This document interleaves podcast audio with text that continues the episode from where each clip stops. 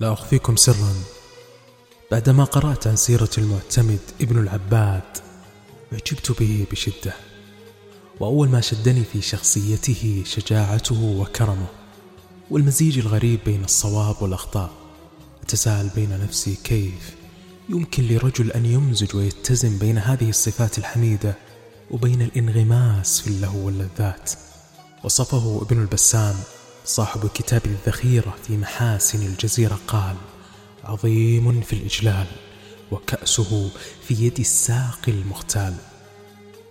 ويقول عبد الواحد المراكشي في كتابه أخبار المغرب وكان فيه مع هذا من الفضائل الذاتية ما لا يحصى كالشجاعة والسخاء والحياء والنزاهة. وفي الجملة فلا أعلم خصلة تحمد في رجل إلا وقد أوهبه الله منها أوفر قسم وضرب له فيها بأوفى سهم. إذا عدت محاسن الأندلس من الفتح إلى هذا الوقت فالمعتمد هذا أحدها بل أكبرها. قررت أن أجمع هذه القصائد والمواقف والنصوص التي اطلعت عليها وأقرأها عليكم بترتيب لتكون على شكل مشهد لحياته سميتها بكائيات على روح المعتمد. عبارة عن ثلاثية من مقاطع وصنفت لكل مقطع مسمى يصف النص والمشهد. وحين عزمت في ترتيبها والبدء في إلقائها لكنني في كل محاولة تسجيل أفشل تهاجمني المشاعر والعبرات بشراسة. إن الحديث عن المعتمد ذو شجون رواية صاغها الله لتبكي. وأقول كما قال الأستاذ عبد المحسن الخميس أحببت من المحمدين ثلاثة محمد رسول الله ومحمد بن سلمان حفظه الله ومحمد أبو القاسم المعتمد على الله.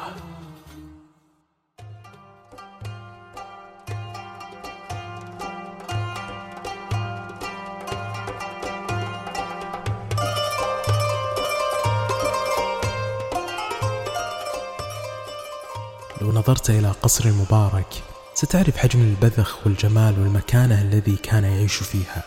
قبب مطلية بالذهب جدران مرصعة بالزخارف أقواس منحوتة بدقة نوافير تصب من أعلى إلى أسفل القصر ساحات بديعة حدائق خلابة.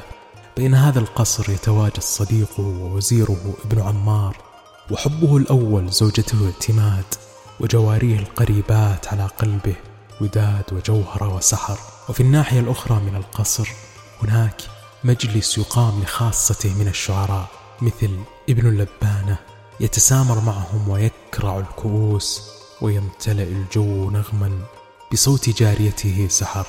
وأقول إن الكمال الإنساني الذي يتاخم الحدود الملائكية المتجرد من الأخطاء والهفوات هذا الكمال والميزان يحق للأنبياء فقط.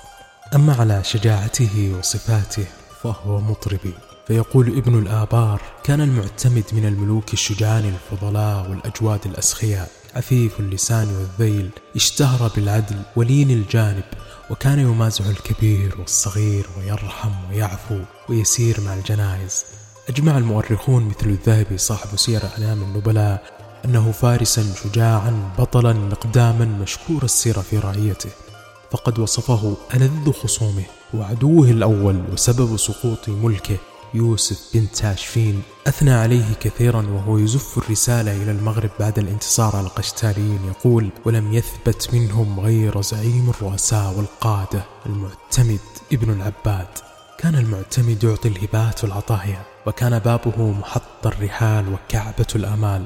وقرأت عبارة ملأتني شعورا وجمال مليئة بالدفء. كتبها ابن الأثير صاحب الكتاب العظيم الكامل في التاريخ. يقول عن المعتمد كان من حسنات الدنيا.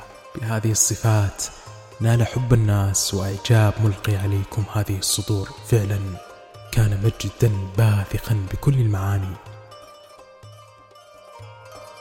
حين قررت الأقدار أن ينكسر في يوم الأحد الموافق 22 من رجب من سنة 484 أتت جيوش البربر تغزو إشبيليا من كل جانب وأصاب أهل إشبيليا الخوف واستولى عليهم الفزع واقتحموا البلدة والقصر كغربان اللعين. اشتبك الجميع في المعركة. قد أظهر المعتمد شجاعة نادرة وبأسا شديدا دفاعا عن بلده وملكه. شهد بها أغلب المؤرخين. يقول ابن الأثير كان المعتمد يلقي بنفسه في المواقف التي لا يرجى خلاصه منها فيسلم بشجاعته وشدة نفسه. لم يترك البربر لأحد من أهلها سيدا وانتهبت قصور المعتمد نهبا قبيحا. وإنا لله وإنا إليه لراجعون. وهذه المعركة المستعرة انتهت بتفوق البربر وربط المعتمد بالأصفاد والقيود أمام شعبه وقتل أولاده أمامه. وبعضهم أسر ثم بيع مثل ابنته بثينة ونفي عن وطنه ثم ماتت زوجته والحقيقة أساء يوسف معاملته في الأسر وأذاقه الأمرين. وأقول وأتساءل في نفسي لم يخطر في بال يوسف أن المعتمد كان ذات يوم هرما شامخا وملكا وعلما من أعلام الأدب وواحدا من أقطابه الكبار. أين عن وصايا محمد؟ يرحم قوم عزيز ذل. أين الرجولة في التعامل؟ لكن من أين تأتي الرجولة وهم أهل غدر وخيانة ومع هذا كله؟ ونحن لا نرى في أشعاره سوى معاني التجلد والإيمان والصبر. نعم من مجد الصفات والملك إلى انكساره ما أعظم انكسار الرجال العظماء. وهنا ينتهي البكاء الأول.